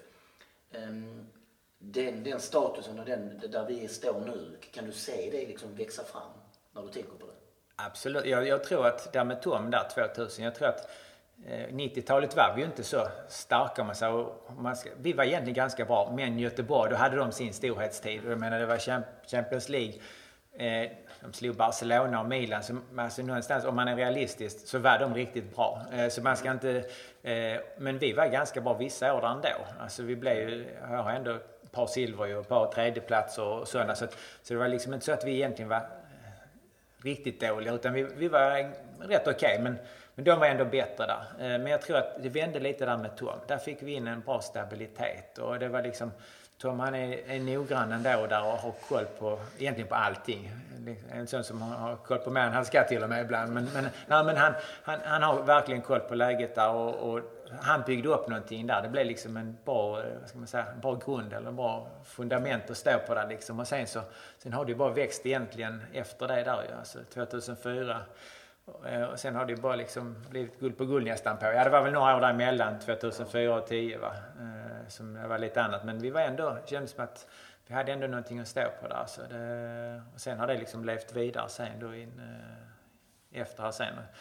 Sen har vi ju med Champions League och annat ju, så, såklart. Och den nya arenan också ju, när den kom också. Det är ju också egentligen, tror jag, viktiga bitar i det. För, för någonstans kändes det som att, känns som att det är inte bara Malmö FF förening där utan det är ju alltså supportarna så viktiga de är nu med, den, med nya arenan för att någonstans det är inte många som kommer dit och, liksom, och kan, utan det är nästan så publiken kan lyfta laget. Den känslan har man ibland när man sitter där, tycker jag. Det hade man inte... Jag tycker att vi... Klacken var hur bra som helst och jag älskar den när vi spelade på gamla stadion och, och den lät mycket där också men det blev ändå något inte helt riktigt... annat. Det blev något helt annat. Alltså det, jag tycker det är, är lite, om man kan kalla det magiskt, just med den nya arenan och publiken eh, och supportrarna som, som kan lyfta laget. När det, när det går lite, lite tungt alltså, så känner man att ja, men då, då, ja, men nu tar vi tag i det på läktaren och så, och så någonstans så Ja, och då höjer sig spelarna efterhand också. Det, det tycker jag är, är en häftigt med, med eh, den nya arenan och, och egentligen supportrarna i sig där. Det, det, Vad, vad är din roll i Malmö FF nu? Nu är jag och jobbar på MFF i samhället med och jobbar ute på akademierna och har träningar. Jag hade ju lag till framför ett år sedan så då var jag egentligen på MFF i ungdom där. Jag var ute på akademier då också. Jag har haft gymnasie här de senaste åren också. Men, men nu är jag ute på akademierna. och Jag är tränare där på eh, så jag var på kontoret då, också. Ja, nu är jag på lite olika. Så jag har varit i Hässleholm idag. Eh, Så två dagar i Hässleholm, eh, två dagar ute på Linné då i Malmö. Ja. Eh, Och sen så är jag i Lomma en dag också. Där. Så, att, Då så. håller du i träningar där. Så jag håller i träning, ja precis, precis. Så egentligen har jag varit tränare faktiskt sedan jag slutade spela. Fast första, eller egentligen första, 12 år var jag på Procivitas. Var eh, tränare för gymnasiet där. Så att, Så det var ju fram till i fjol så tyckte jag att ah, nu har jag varit där så länge, nu får jag justera lite på det där. Så, så blev det att det där fanns möjlighet att vara med på akademierna istället och det tycker jag passar rätt så bra. Eh, då har jag liksom med sjuan till nian. Innan var det liksom från sjuan och så gymnasiet också blev det rätt stort spann på spelarna. Det är lite lättare att koncentrera sig på, på åldersgrupperna. Det, det, det har varit fotboll eh, mer eller mindre hela livet för dig? Ja, det får man väl säga. Eh, jag var på väg att börja sommarjobba väl där när jag var 16-17. Där fick jag ett sommarjobb där. Jag skulle städa på, på pappas jobb där. Han jobbade på Telia på den tiden. Och eh, fick ett sommarjobb där. Jag skulle väl jobba om det var tre, fyra veckor där. Men, men så blev det att där skulle vi, hade Bosse Augustsson kommit till Malmö och skulle ha, eh, hålla i extra teknikträningar och sånt. Och då, då var det liksom att ja, ska jag missa det eller ska jag jobba där? Och, ja, så det blev att eh, vi fick skippa det jobbet. Så, eh, så, så, avslöjar i den här podden att Jörgen Olsson har alltså inte ens sommarjobb. jo det har jag. Jag har plockat grönsaker och sånt så jag har, jobb, jag har jobbat. Men, men, men eh, där blev det faktiskt fotboll. Det var liksom egentligen inte, jag ville, jag ville tjäna egna pengar men det var mina föräldrar som tyckte att ja, men, vi satsar på fotbollen här nu. Det var liksom inte, utan när vi fick den möjligheten att få bra träning där och så vidare. Så, att, så det var väl egentligen ett klokt, eh, klokt val där. För att eh, den eh, gav mycket där. Så att, jag tänkte också på det här, apropå att du har så lång karriär då i A-laget en rad olika tränare. Mm. Ja, ganska många tränare, ja. precis. Kan du prata oss igenom tränarna och liksom deras särdrag och Ja, om, om, om, vi börjar då så Goy där han jag inte ha så himla mycket där egentligen jag vet inte om ni vet Åke Kallenberg. Mm. har ni säkert hört talas om. Han var ju ungdomsansvarig ungdomstränare i... Så han hade ju juniorlaget först egentligen där. Eh, och eh, han som heter Stefan Kapa. Eh, så de hade juniorlaget. Och sen så hade jag ju, var jag med på någon träning som vi sa där med Roy. Det var inte så många, det kanske var fem, fem sex träningar. Eh, sen efter det så blev jag uppflyttad och då var det ju Bob som tog upp mig och då var det ju, det var ju ganska enkelt engelsk fotboll ju, med mycket långbollar så alltså, var det ju på den tiden ju. Och det var väl, var väl inte bara man, det var väl alla lag som spelade ungefär likadant om man kollar på, på, eh, på matcher tillbaka i tiden. Alltså. Eh, och han, han, han gillade ju mina egenskaper och jag var väl rätt så bra på att, ja men sa någon gör det så, så gjorde jag det liksom. Och det, det, jag tror att det det gillar ju tränaren ofta, att ja, men gör man sitt jobb där och, och, och, och så vidare så eh, så gillar de mig ju. Så är det ju. Att, eh, kör man sitt eget så är det lite svårare att anpassa. Och, så, så, så, så det var ju Bob som plockade upp mig där. Och han, han stod ju alltid och hans, som jag tycker, största grej, liksom, han fick ju mycket skit när han kom tillbaka där. Egentligen var ju många, tidningarna gillade inte riktigt fotbollen. De ville ha lite annat där när vi hade haft Roy där innan och, och så vidare. Men han var ju, det jag gillar med han, eller tycker bäst om Bob, var att han ställde ju alltid upp för det kvittar ju. Om, hade jag gjort världens misstag så var det aldrig, lyftes det aldrig upp utan då, han tog alltid skiten där man säger. Utan det, det var jag som sa eh, att det skulle gå till så eller det skulle göras på det sättet. Det är lite som Mourinho har gjort ju. Skydda sina spelare. Skydda sina spelare. Man kan ju tycka vad man vill om Mourinho. Jag är ingen superfan av han. Men han är ju smart för han skyddar sina spelare. Han hänger inte heller ut dem då utan då, då hittar han på andra grejer. Lite fula knep där och så. Men, men, men eh, någonstans står, står de av för laget. Det är laget som är viktigast. Och det var ju Bob också. Sen fick vi in en liten galen eh, dans där Viggo Jensen efter, efter Bob. Han kom, eh, kom innan egentligen Bobs kontrakt gick ut där väl. Så han tog över mitt på sommaren där. Så då fortsatte jag spela anfallare. Ja, precis. Mm. Så att, eh, men då fortsatte jag spela anfallare fortfarande. även om han sen flyttade ner mig året efter. Så. Men Viggo han var lite speciell där han, han var lite halvtokig. Det är nog den enda tränaren som man kan säga så om. att han hade lite skumma idéer där och fick för sig. Två dagar innan match så skulle man vara hemma. Eh, då fick man inte vara ute efter klockan 11 eller hur det var där. Och, eh, öl fick man inte dricka och ja, det var, han hade lite, lite sådana grejer där. Och det, jag kan tycka att lite får man väl kanske, ska man, eller ska man väl kunna bestämma över själv vad man vill göra och inte göra. Men, Eh, någon ringde han hem och kollade så att de var hemma också där och sånt. Så att eh, jag klarar mig. Eller, eller jag brukar säga det att eh, jag vet inte för att i sådana fall var jag inte hemma om han ringde. men eh, men han, han var lite halvtokig där. Eh, sen så kom ju Roffe efter det. Och, eh, Roffe han var ju också speciell där men... Eh, det är Zetterlund där alltså. Ja, Rolf Zetterlund, precis. precis. Och, jag skulle inte säga att han, han var inte den kanske bästa tränaren jag har haft. Men han, var också, han slapp ju alltid konflikter. Han, han tog ju alltid ut äldsta laget. Har de äldsta spelarna på planen så slipper du ofta konflikter för att på bänken sitter det många spelare. De klagar ju sällan. Men om du har gamla spelare på, på bänken så är de ju inte sena. Och, eh, så att, eh, Det var före Zlatans tid också. Ja, precis. precis. Så att, eh, men jag fick spela i alla fall. Jag, jag var väl inte eh, bland de äldsta då men jag fick ändå spela faktiskt. Så, att, så, jag, så jag tyckte han var okej. Men i princip så var det så att de äldsta spelade och sen så eh, satt de andra på bänken. så att, enkel laguttagning där. Och sen fick vi en holländare. Och sen fick vi holländaren och, och han, det, jag gillar hans, det var ju liksom, det var det passningsspel och det blev vi ofta hyllade för att vi spelade den, den, fina fotbollen, eller den finaste fotbollen i alla fall. Vi blev trea det året men vi blev ofta hyllade för att vi spelade jättefin fotboll där. Och, och det är väl något jag själv har tagit med mig sen som tränare. Att fast jag egentligen haft många engelska tränare med mycket långbollar och sånt så gillar jag ju passningsspel och, och så vidare. Så, att, så att där har jag tagit till mig väldigt mycket liksom att hitta ja, balansen och kombinationen av de olika fotbollssätten. Alltså jag, jag gillar ju liksom mycket passningsspel och sånt. Sen så ska det ju leda någonstans också där men det behöver liksom inte vara en, en lång boll upp på anfallarna. Så, eh. Vad Skulle du säga att han, för utifrån så kändes det lite grann som Tyson kom med någon form av liten revolution i, i, i hur Ja, spelades. Liksom. Och ja, kanske, ja. kanske var han en föregångare till det vi ser idag med hur vi spelar fotboll och Östersund spelar fotboll. Och kanske var fotbollsvärlden inte riktigt, eller fotbollssverige inte riktigt redo för det. Nej men så, så var det nog alltså, precis. Eh, och, eh, så, så det var det definitivt. Och liksom, man tyckte det var eh, hur kul som helst att gå till träning varje dag. Det var ju passningsspel alltid. Det var ju bara massa sådana övningar. Eh, vi tyckte det var hur kul som helst. Ja. Så, och man tog till sig det ganska snabbt. För vi hade ju liksom på ganska kort tid så fick vi in ett, eh, hitta ett bra spelare ju. Även om vi sen eh, eh, året efter där ju så när, han var ju, det var hans bror som var sjuk eller hur det var där. Han dog till och med precis. Så att han var ju hemma väldigt mycket där så det blev ju, blev ju konstigt där. Och, och lagen, det som väl var en nackdel också, det är väl lite som med Holland idag att det blir lite för lättläst. Att du måste ändå ha lite, jag menar tar du Barcelona eller någon av de andra storklubbarna som är bra på med passningsspel så har de ändå ett, lite idéer hur de ska bryta igenom där. Och de har inte riktigt det och det hade väl inte vi heller kanske då eh, när eh, andra halvan där så vi blev lite lättlästa där så att andra gick inte riktigt lika bra där ju. Eh, även om vi sen redde upp det på hösten. Det var då eh, Roland Thomas, det var då, då, den hösten jag och Olof spelade mittbackar. Vi gjorde en väldigt bra höst ändå där. Mm. Fast då blev det tillbaka till lite rakare spel igen ju. Eh, men det gav ju sina poäng i alla fall och vi spelade ändå kanske en bra fotboll i sig även om det inte var kanske så mycket passningsspel. Så, eh, eh, så var det ju Roland och Thomas där precis. Och de var ju där sen, så var de ju med när vi åkte ner ju.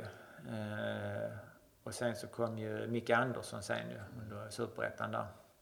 Som eh, plockade upp oss egentligen ju. Så att där hade, största nyckeln var väl att vi fick behålla eh, samma, samma lag där i princip. Jag tror det var, det var Tillander som eh, inte var kvar väl. Annars var väl resten kvar där egentligen. Så, så det tror jag var lite nyckeln där. Annars hade vi nog inte klarat det där. Och så dök en viss eh, Ibrahimovic upp också. Ja, så kom han också. Precis, precis. precis. Ja, ja, absolut. Ju, precis. Jo, han, hade ju, han bjöd ju på mycket där. Så att, eh, även Då, där... Tänker du på det ibland att du du har, du har lirat med honom och sett han komma fram? Ja, absolut. Det har, det har hänt många grejer. Man har glömt mycket där nu också. Så, att, så där händer ju många saker hela tiden. Ju, liksom. det var, ja, när, det när, när, när du sitter framför TVn och tittar på Inter, du Juventus, ja, ja, Manchester United ja, ja. och PSG. Eller du, du har barn, eller hur? Ja, ja, ja. ja, ja. Då måste ju undra när du säger han där Ja, ja, jo, jo, jo, precis. Ja, men så är det ju även nu när man pratar kanske ute på, när man är ute på skolorna och sånt. Så att de vet ju inte vem jag är. När jag, alltså de, det var ju för tidigt för dem ju. Men om man säger att man har spelat med Zlatan så, så då, då lyssnar man ju lite och sånt. Och, och det,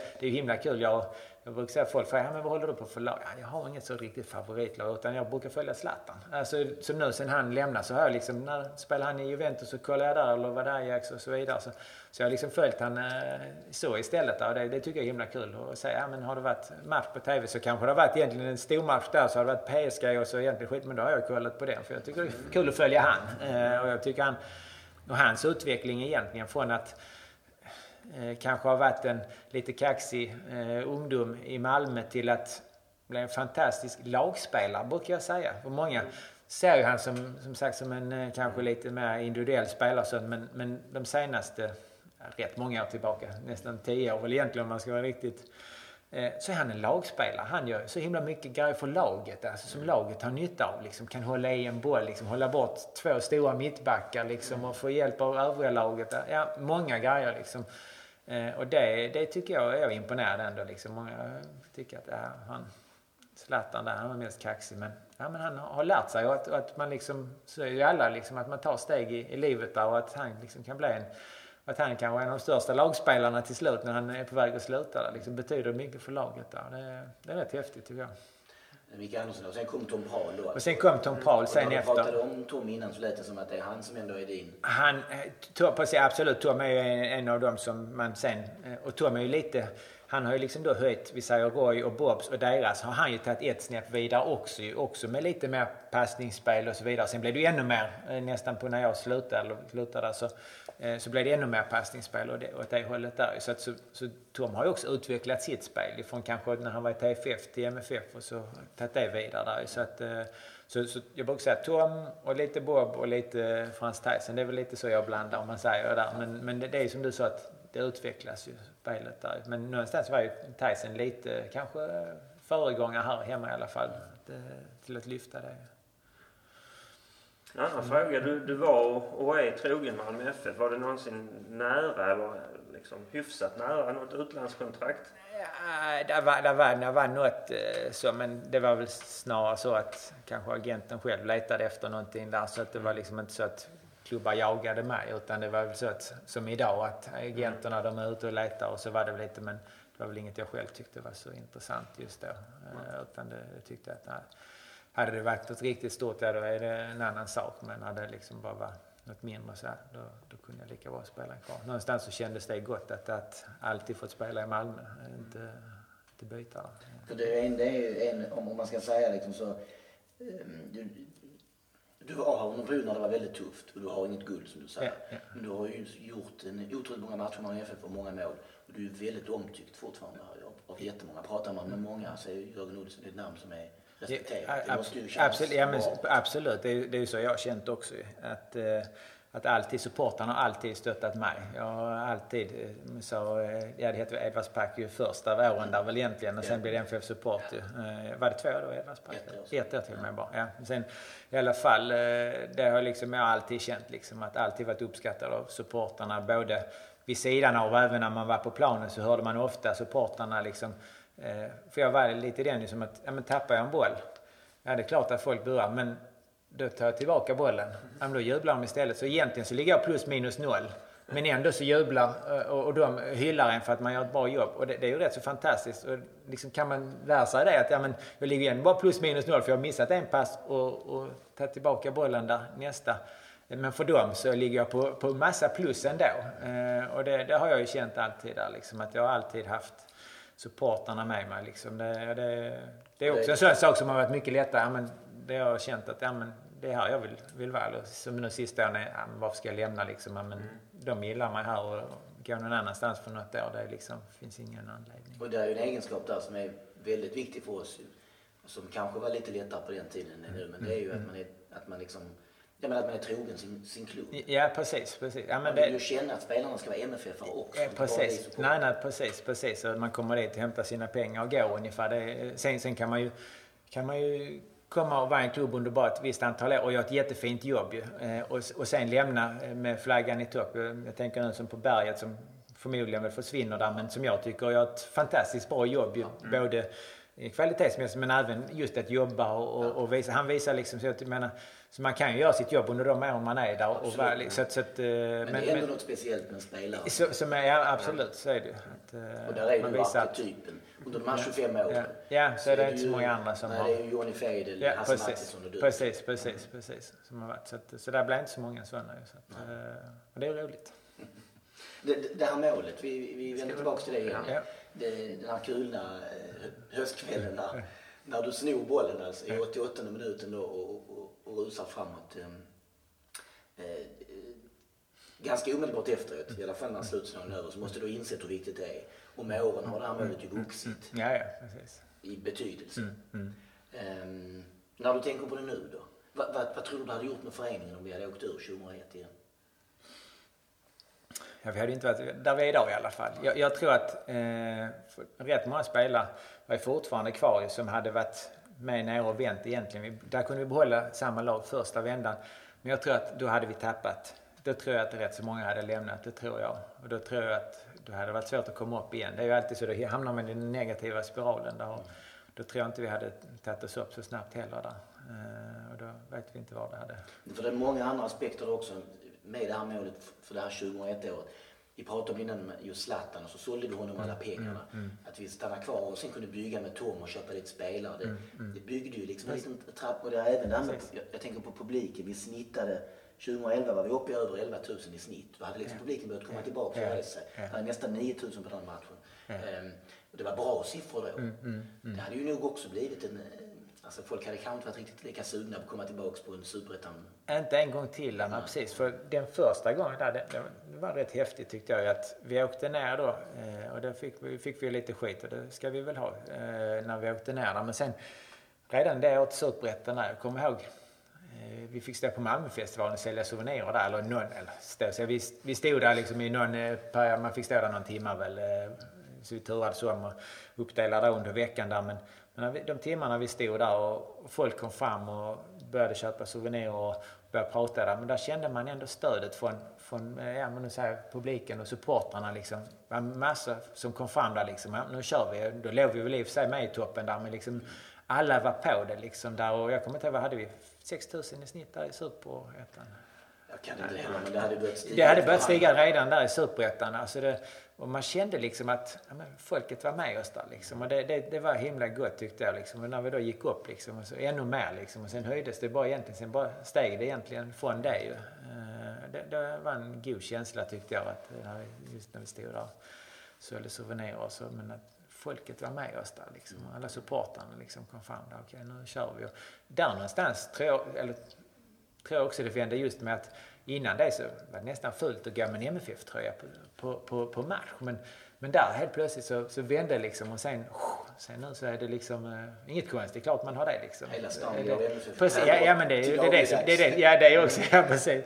Men det tycker jag också är så häftigt när man om man går till arenan innan match och sånt där liksom alla kommer och gläder man ser liksom att folk är på, på väg till match. Där. Det är en god känsla där. Men idag är det ju faktiskt inget konstigt att komma till ett möte med jobbet eller vad som helst. Nej, nej, nej, nej, nej, nej, nej, nej, precis. Och det, det tycker jag är häftigt att det har liksom blivit att det, det är liksom inget, det är inget vi ska skämmas över utan det, det, man, man ska vara stolt över. Precis, ja precis. Ja men det är det som är och det är någonstans det som väl förenar oss då. Man, man läser ju om både det ena och det andra i stan men fan, eh, någonstans när det är match, då är vi ändå förenade och... Finns det en riktigt god kraft i den här stan så är det man med. Stör, ja, precis. Som håller ihop verkligen liksom. Det, det spelar liksom ingen roll var man kommer ifrån eller eh, vad man har för... Eh... Om, för jag kommer med ett påstående här då.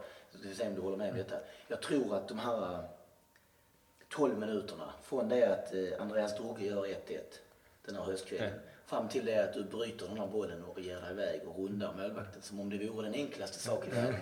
Lägger in, lägger in 2-1 då alltså i 88.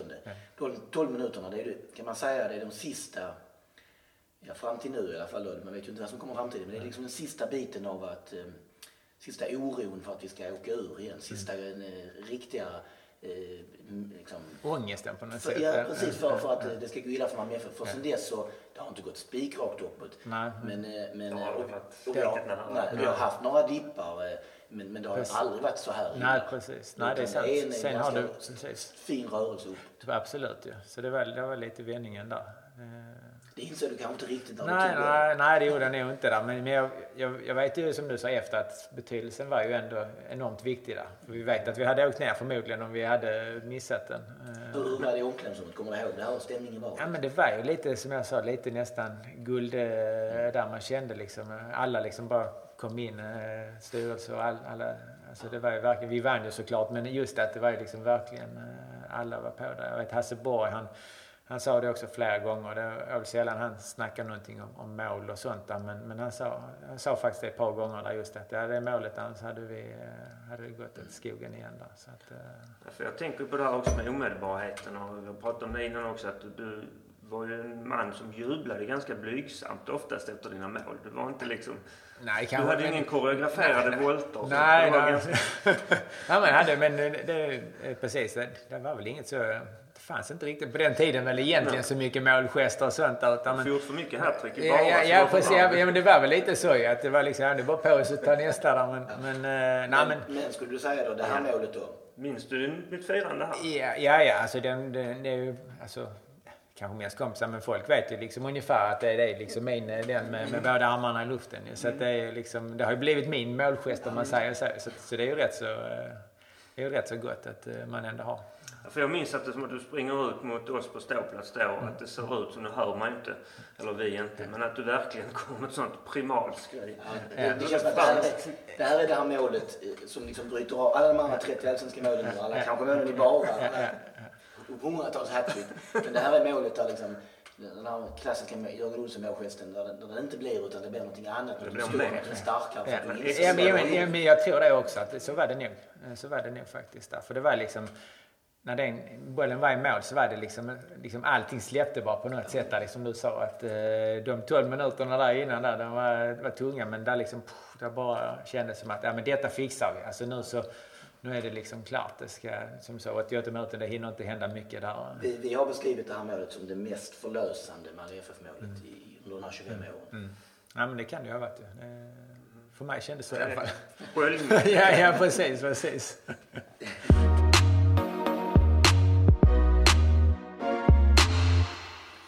2001, Spridda tankar. Ja, vi var tillbaka i Allsvenskan efter det nesliga året i Superettan. Um, vi har ju vår guldklimp, Zlatan Ibrahimovic.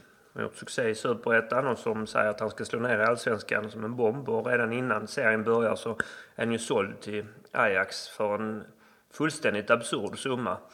Um, som ju eventuellt fortfarande idag står sig som svensk transferrekord. Ja, och det var innan säsongen han var såld.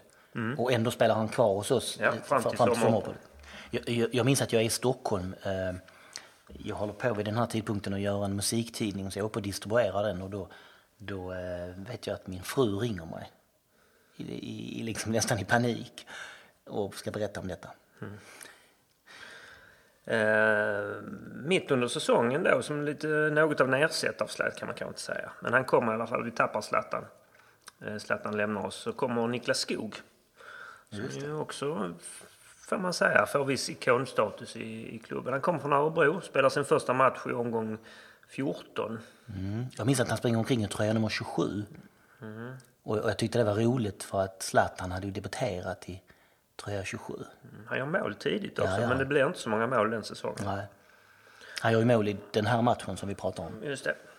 Men sammantaget blir det inte så. Och han är ju inte med under någon, som vi då har konstaterat innan, det är inte direkt någon succéperiod han stiger in i laget i. Nej. Men här, eh, Niklas Skog ska ju få sin uh, succéperiod i Malmö FF och ikonstatus. Um, till slut blir ändå säsongen början på något nytt.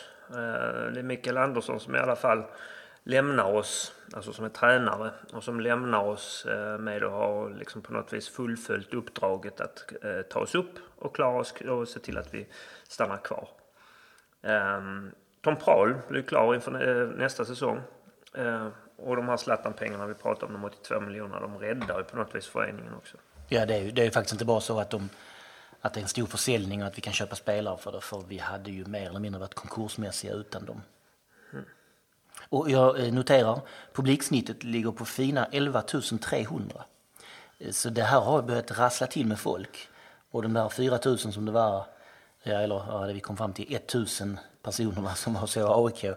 Det är nu alltså uppe på ett publiksnitt på 11 000 och är stadigt klättrande. Mm. Eh, vi noterar tre stycken som debuterar för oss under den här säsongen som, som ju ändå sätter ett intressanta märken i, i klubben. Eh, Peter Idje, Daniel Majstorovic och Josef Elanga. Alla tre alltså under det här året. Höjdpunkten? Ja, vi har ju Djurgården eh, borta i omgång 3, 4-0. Eh, så tredje raka vinst då som nykomlingar och där Zlatan gör sitt klassiska mål. Han dribblar bort väldigt många försvarare och lägger in den. Som vi kanske kan få anledning att återkomma till. Kanske det. Men jag skulle också vilja säga att eh, som en, en sorts tidens tecken så var ju en stor höjdpunkt också att vi slog Trelleborg det året borta med 4-0. Kenneth Gustafsson gjorde två mål. Precis. Och vår Jörgen Olsson nickar in en frispark eller ett inlägg från Josef Elanga. Ja, början på andra halvlek. Yep. Och, och, det ska sägas då för en, lite yngre lyssnare kanske att eh, att slå Trelleborg borta med 4-0 vid den här tiden, det var närmast otänkbart. Vi hade, Trelleborg var faktiskt ganska bra på 90-talet. ja, och vi hade svårt för dem och det var inte förrän långt in på 00, kanske till och med 10-talet som vi började komma upp och få eh, bra statistik på dem, alltså positiv statistik med dem. Ehm, sen har vi, en- det var höjdpunkterna där, så vi har ju lågvattenmärken också och det absoluta för mig utan tvekan är ju IFK Göteborg hemma. I sjätte omgången, där vi förlorar med 6-0 efter två frilägesutvisningar, Majstorovic och Mikael Roth. Hem alltså. Hemma med 6-0 mot IFK Det Göteborg. står ganska mycket redan innan den första utvisningen, gör det inte det? Det står 3-0 3-0 i Ja. paus, ja. Mm. Eh, det var inget eh, kul Nej. att stå och titta på.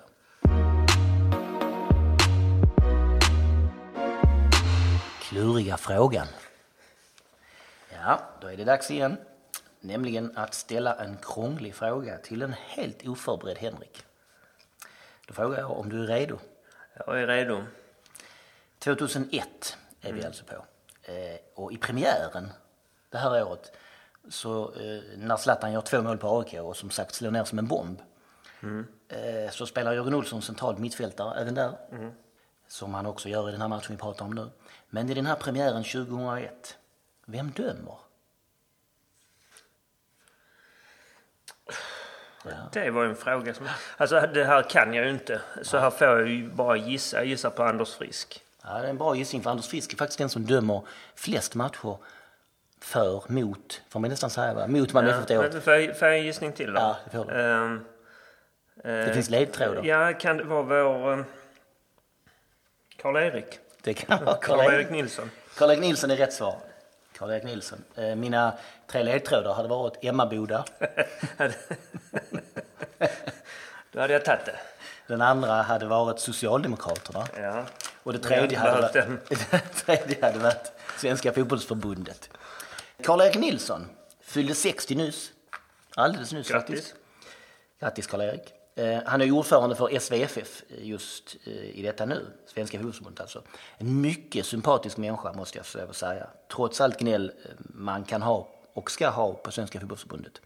Ehm, jag har haft mycket att göra med honom genom åren. Och han är ju en oändligt mycket bättre ledare för svensk fotboll än vad, ska vi säga, hans föregångare på posten var. Karl-Erik gjorde 150 allsvenska matcher som domare, 12 i Champions League. Eh, började som lärare i Kalmar som ung. Sen var han kommunstyrelsens ordförande i Emmaboda kommun och det ska vi strax återkomma till. Att han kom in i själva fotbollsrörelsen efter domarkarriären är för att han är med och jobbar som organisationschef när Sverige anordnar U21-EM 2009. Gör väldigt bra ifrån sig. Blir styrelseledamot först i SVFF 2011 och alltså sen ordförande 2012. Jag har fikat med honom, käkat lunch med honom, suttit på många möten, diskuterat en hel del. Ehm, och under en eh, kort period så anordnade han någonting som hette Frukostklubben. Som var ett gäng halvhemliga, informella träffar för diverse fotbollsfolk. Vi var cirka 20 stycken varje gång. Eh, jag var där i egenskap av SFS-ordförande. Där var Bosse Karlsson, domarbasen, Thomas Brolin, Hasse Eskilsson, Pelle Blom etc. Och vi hade några frukostar i Stockholm under ett halvårs tid när vi diskuterade fotbollsproblem och eventuella lösningar. Bland annat målkamera, supporterstök och så vidare. Det var rätt så trevliga träffar just för att Karl-Erik är en sån, måste jag säga, sympatisk människa. Till sist ska vi återvända till det här när han var kommunstyrelsens ordförande i Emmaboda kommun. För där eh, misstänker jag att Henrik har en liten eh, Ja, det är ju så att min svärmor också jobbade i Emmaboda kommun och hade eh, Karl-Erik som chef då. Och hon kan ju sannoliken intyga att eh, Karl-Erik var en jättebra chef på alla sätt och vis. Eh, Och hon, när jag någon gång hade kritik med hur Karl-Erik hade dömt så fram, tror jag inte hon framförde den, vilket hon gjorde helt rätt i. För den, den kritiken kom säkert i affekt. Eh, Så min svärmor känner honom väl och eh, Eh, Min svärmor var också väldigt glad för varje gång hon fick höra talas om att eh, Tony hade träffat honom. Jag, jag passade alltid på att hälsa till Karl-Erik Mm. från Henriks svärmor då, så att det var så att det gick rätt till. Och vi- visst var det så också att under den här perioden så såg du till att han fick en MFF-mugg i present. Det stämmer. Så att eh, då ska vi veta då, det här under en period när det inte går speciellt bra för Malmö FF, men, eh, och han är domare i Allsvenskan då alltså. Men han eh, dricker s- morgonkaffet eh, på eh, i kommunstyrelsen i Emmaboda ur en MFF-mugg under den här eran i alla fall. Förutsätter vi, ja.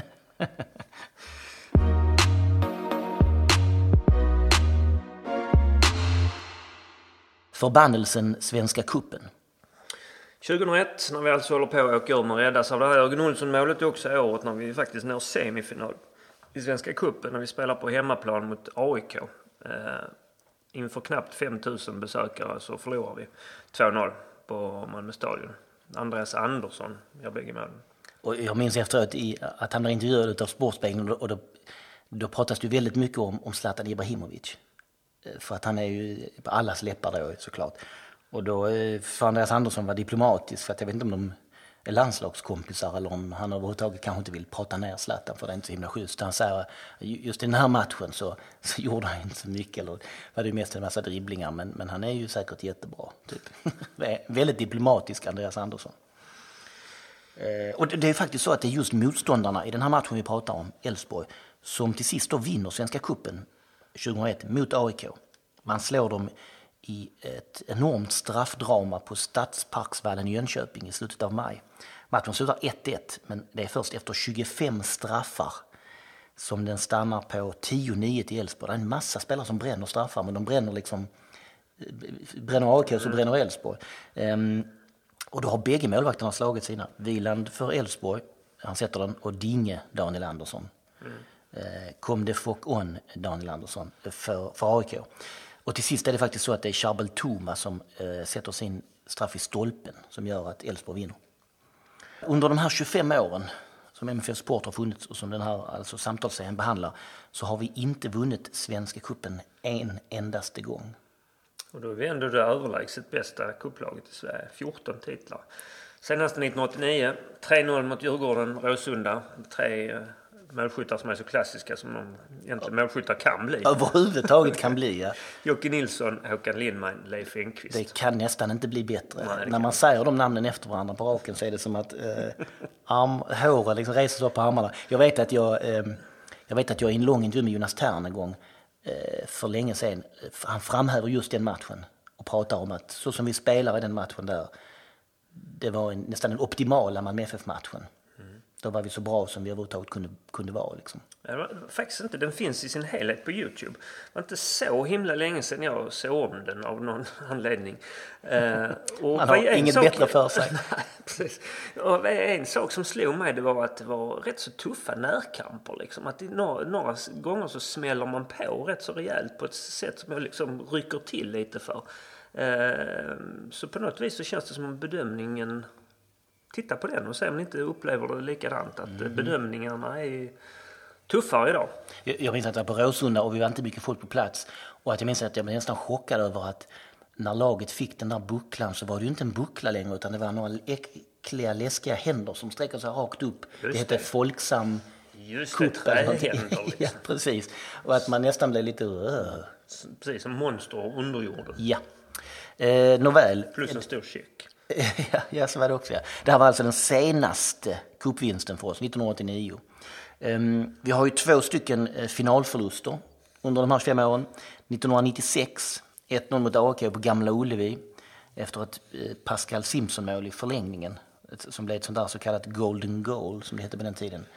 Eller uh, golden goal. Som Arne Hegerfors alltid sa, ja. Um, och så då fjolårets straffförlust mot BK Häcken på hemmaplan. Eller det var too soon. Det var det. Eh, två stycken finalförluster. Alltså. Vi har fem semifinalförluster, vilket är lite mer än man egentligen tänker sig. Mm. Om man eh, sådär, bara väldigt snabbt skulle försöka komma ihåg. Eh, vi, vi, vi, tar dem alla fem eh, på raken. Ja, 2001 mot AIK hemma. 1994 hemma mot Helsingborg förlorade vi med 4-2. 1999 mot IFK Göteborg, förlust 2-1 hemma. Återigen golden goal. 2002 mot Djurgården hemma, storstryk med 4-0. Eh, och 2014 förlust 2-0 eh, hemma mot Helsingborg, David Ackan bland annat. Bitter match det där. Molins fick gå ut eh, illamående väldigt tidigt och Emil Forsberg prickar stolpen och ja, inget, riktigt, inget vill gå vår väg. Sådär. Så vi, vi sammanfattar två finalförluster, fem semifinalförluster men inget cupguld. Och då återstår egentligen bara en enda fråga och det är Kommer vi någonsin att vinna den igen under vår livstid?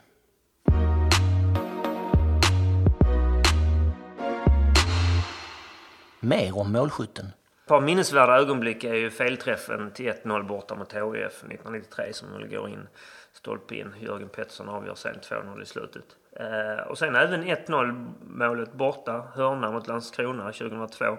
Där han klättrar på Yngvesson för att nå upp och Tom Prahl ger honom eh, smeknamnet där, teleskopnacken. Något med teleskop, eller teleskopnacken. Ja, känns så. En, en, en rolig grej här är när man sen såg det här eh, målet i, i det här målsvepet, när man med för, för första gången gjorde en sån här eh, säsongen eh, i, i genomgång på DVD eh, som man köpte och tittade på. Så eh, precis innan hörnan, precis innan hörnan slås, alltså det står 0-0 borta mot, mot Landskrona Boys och det är den här hörnan som avgör för vi vinner 1-0 ju. Mm. Precis innan hörnan så filmar de klacken som ju står precis bakom det målet där målet sker. Och då ser man eh, eh, fullt kaos, bra rörelse, härligt tryck. Men där är två stycken individer som står bredvid varandra. Och båda två ser superbrudda ut. Det ser ut som att, alltså det, det, ser verkligen ut som att man har samlat ihop jättemycket smör. Eh, sålt det för en bra summa och så tappat pengarna på vägen hem. Och de två är alltså eh, vi två som gör den här lilla samtalsserien, du och jag jag återvänder till det rätt så ofta för att jag tycker det är så hysteriskt roligt att vi, vi kan liksom inte riktigt gå på fotboll och fullt ut glädja oss utan det är en himla stor oro. 0-0 och det var lite mer än en kvart kvar kanske när målet kommer. Ja. Vad, fanns det att glädja sig åt? Nej visst, visst. Men eh, i, i, i, i alla fall ja. Eh, en annan grej som är rolig med, med Jörgen Olsson, jag var ju redaktör eh, för den här återutgivningen av Buster-volymerna som kom för ett tag sedan. Och Jörgen Olsson var ju med i Buster när han var ung. Han var sig väldigt lik. Klubbsidorna hade man skickat in hans bild till. Ja, där man fick skicka in då om man hade till exempel eh, trixat till sig så mycket eller om man hade gjort en, en, en massa hattricks. Och där är flera kändisar efteråt som har varit med i de här och visat sig. Jag vet att jag hade en rolig Twitter-konversation med Martin Åslund, AK-spelaren och, och, eh, ja, expertkommentator kan man säga då, som han var med två gånger. Eh, och ena gången är han typ sju år gammal och når inte riktigt upp till, till kameran så att man, man ser honom bara typ från munnen uppåt. Men i alla fall, Eh, så här står det då i, i, i det där Buster-numret eh, som, som Jörgen Olsson var med i. Jörgen Olsson, 14 år, bara GIF. Fotboll. Vet verkligen var målet är beläget. Förutom i följande 12 matcher har han gjort ytterligare 15 hattrick. Det betyder alltså att han, är det på en säsong tror har gjort 27 hattrick. Så var det väl en lista där på 12 matcher. Ja, så hade de inte, det är konstigt också att de orkar lista 12 matcher. Men och sen bara, de andra 15. Nej, så bara, nej, nu tröttnar vi. Han har gjort det i 15 till. Um, uh, men uh, man fick nog inte riktigt reda på i, under vilken period det här var. Men han verkar alltså ha varit en notorisk målskytt när han var väldigt, väldigt ung. Mm. Borde ha lärt sig jubla, tänker man. Den här bilden då, han är så väldigt lik. Ja, det, är. det är ju inte det minsta han ser ut som han gör. Nej, och det är ju verkligen så, för när jag sitter och bläddrar i de här gamla busterna när jag ska göra bustervolym, återutgivningarna, mm. så vissa av de här spelarna som när man då, oj, det är Jörgen Olsson. Man behöver inte ens läsa att det är han för att han är sig på pricken lik. Ja. Roligare är ju då på samma sida som du har redigerat ihop, är det en bild även på Thomas Brolin som ju då har gjort någon um, Ja, gjort ett hattrick. Massa hattrick ja, ja, precis. Eh, och han har, eh, han ser väl också lik kan man säga, men han har en verkligen härlig, det är liksom konstigt att det borde vara in på 80-talet detta, men han har en klassisk 70-talets eh, frisyr med sorgfälligt linjalklippt lugg. Ja, han ser inte klok ut faktiskt. Jörgen Olsson har också tränat Dalby, eh, spelat med hos Oldboys. Ja. Finns det något mer att säga om honom? Han fick inga landskamper, vilket ju är lite remarkabelt när man ser vilka andra skitspelare som har fått lov att representera Sverige under den här perioden och, och under Jörgens bästa år. Och sen får man väl säga att tillsammans med Hasse Mattisson så är han väl den spelare under de här 25 åren som känns som den allra mest laglojala med Malmö FF. Ja, så är det ju verkligen. Jag kommer inte riktigt på någon annan. Ja, man skulle väl kunna säga Daniel Andersson, men mm. speciellt efter då eh, tränargärningen och sportchef och så vidare. Men, men eh, men Daniel Andersson har ju fått utlandskarriären och, och, och SM-gulden och allt det är. Johnny Fedel kanske? Mm.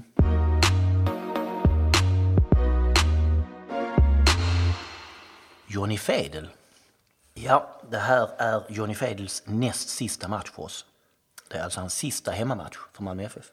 Han lägger av efter 2001 och han får alltså då sluta med att se till att vi klarar oss kvar. Johnny Luigi Fedel heter han. Eh, det där mellannamnet där, Marius bror eller vad nu Luigi är. Luigi Ryva kanske. Eh, Det, det skvallrar ju om eh, italienska rötter såklart. Han är lika gammal som oss. Han är född 1966, fyllde alltså 50 i fjol. Och visst är det så att du har gått samma klass som honom någon gång under åren? Mm, stämmer. Ett år på Svilundsskolan. Eh, fick vi barn från Oxie eh, på 70-talet bussas in innan högstadieskolan i Oxie stod färdigställd och Ikea-luktande.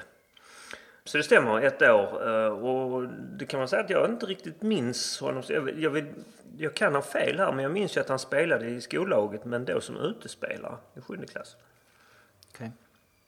Eh, han är faktiskt femte mest spelare i Malmö FF någonsin med sina 588 matcher. Eh, det står också noterat att han har gjort ett mål. Inte i allsvenskan utan det står under övriga eh, eh, matcher. Jag kan inte minnas detta mål, kan du? Ja, Jag kan inte heller se det framför mig. Gissningsvis är det ju en straff. Ja, Janne Möller gjorde ju ett mål Mm. och den straffen minns man ju jätteväl. Det var ju allsvenskan mot Hammarby hemma som betydde 5-0. Men ehm, eh, Johnny Fedels mål eh, hittar jag inte. Han var hos oss mellan 1984 och eh, 2001. Stod bakom Janne Möller första åren ju eh, och fick ta över första målvaktsplatsen 1989. Han har inga SM-guld. Och med det är han ju då, före Jörgen Olsson alltså, den spelaren med flest matcher utan SM-guld. Han har ju vunnit allsvenskan, 89 då, och han har suttit som reservmålvakt under två SM-guld. Men han har alltså inga egna eh, SM-medaljer. Han har ett cupguld, 89 då, och så har han två landslagsmatcher för Sverige. Alltså. Och sedan 2006 så är han ju eh, målvaktstränare för Malmö FF. Är Vilket är en remarkabelt lång tid. Han gör alltså sitt tolfte år som målvaktstränare. Ja, han har kanske kommit och gått lite grann, har det varit så? Eller han har varit eh, kanske på halvtid någonting och sådär. Ehm, vad jag förstår är han väldigt omtyckt. Eh, De våra tre senaste målvakter som har, som har vunnit det har varit bra. Dahlin, Olsen och Wieland pratar alla väldigt gott om honom. Faktum är att i juli 2015 så skrevs han in i Malmö FFs trupp till Uefa. Han fick då nummer 49. Och bakgrunden till det var att Robin Olsen hade lämnat. Johan Wieland hade ju inte riktigt skrivit på ännu, eller fick väl inte lov att spela, eller hur det nu var. Eh, som våra målvakter då var Zlatan Azinovic och Marco Johansson. Marco var då 16 år, hade moppemustasch. mustasch. Eh, det var de enda två målvakterna vi hade för att Sixten Molin var utlånad. Så, så um, Johnny Fedel var inskriven som målvakt och det vet jag, det var en intervju i Sydsvenskan där han själv var väldigt tveksam till alltihopa. Som att det var nästan som om att det var ett skämt. Jo, jo, visst, jag får väl ställa upp men det här kommer inte att gå. och han var ju då alltså 49 år. Och man kan själv tänka sig om man skulle skrivas in i MFFs trupp nu. Man hade ju Eller när som helst. Ja, för den delen. Eh, Ja, och Johnny har ju, hade ju, har och hade ett oerhört eh, temperament. Italienskt blod kan vi väl kalla det. Eh, massa bråk på träningarna, minns jag åren. Ett med Zlatan som jag tror finns med i Zlatans självbiografi också.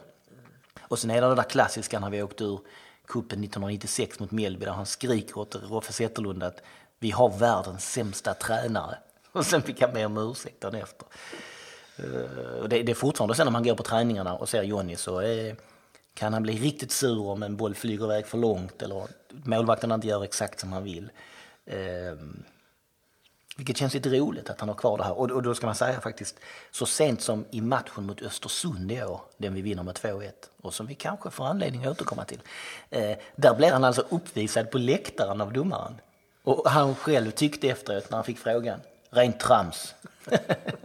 Vilket ju känns som en oerhörd eh, eh, sammanfattning av alla Johnny Fel-kommentarer någonsin.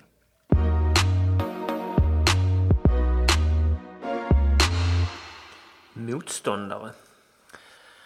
Anders Svensson. Anders Svensson spelar faktiskt inte i Elfsborg i den här matchen. För han har skrivit på för Southampton och lämnat under sommaren 2001. Och Elfsborg har det svårt när Anders är försvunnen, slutar tia och är precis bakom oss och är en poäng från kval.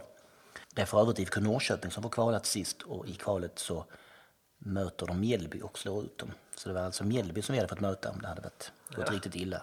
Det hade inte varit roligt kan man säga sammanfattningsvis.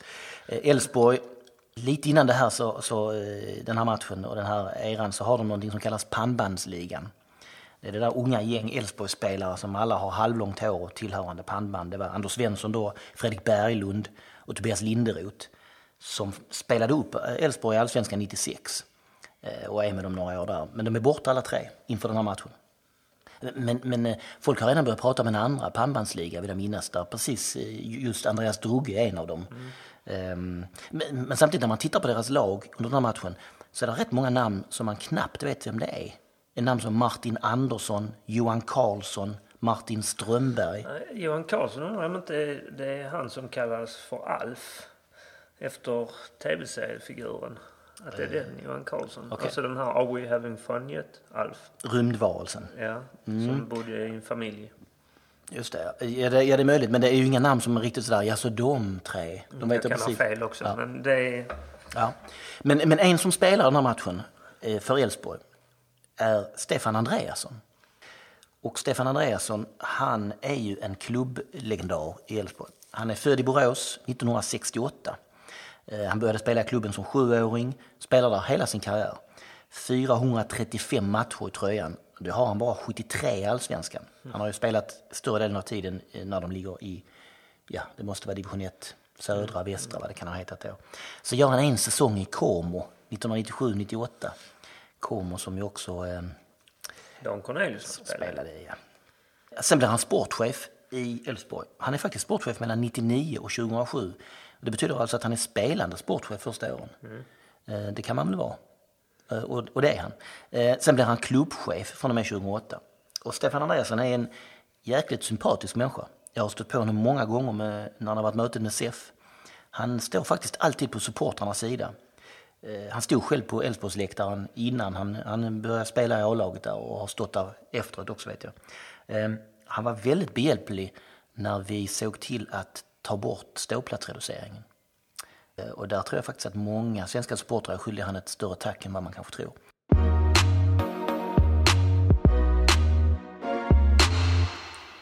Vi som gör den här samtalsserien heter Tony Ernst och Henrik Zackrisson. All musik och alla jinglar är gjorda av Gabriel Ernst. Podden är klippt av Martin Ringstrand.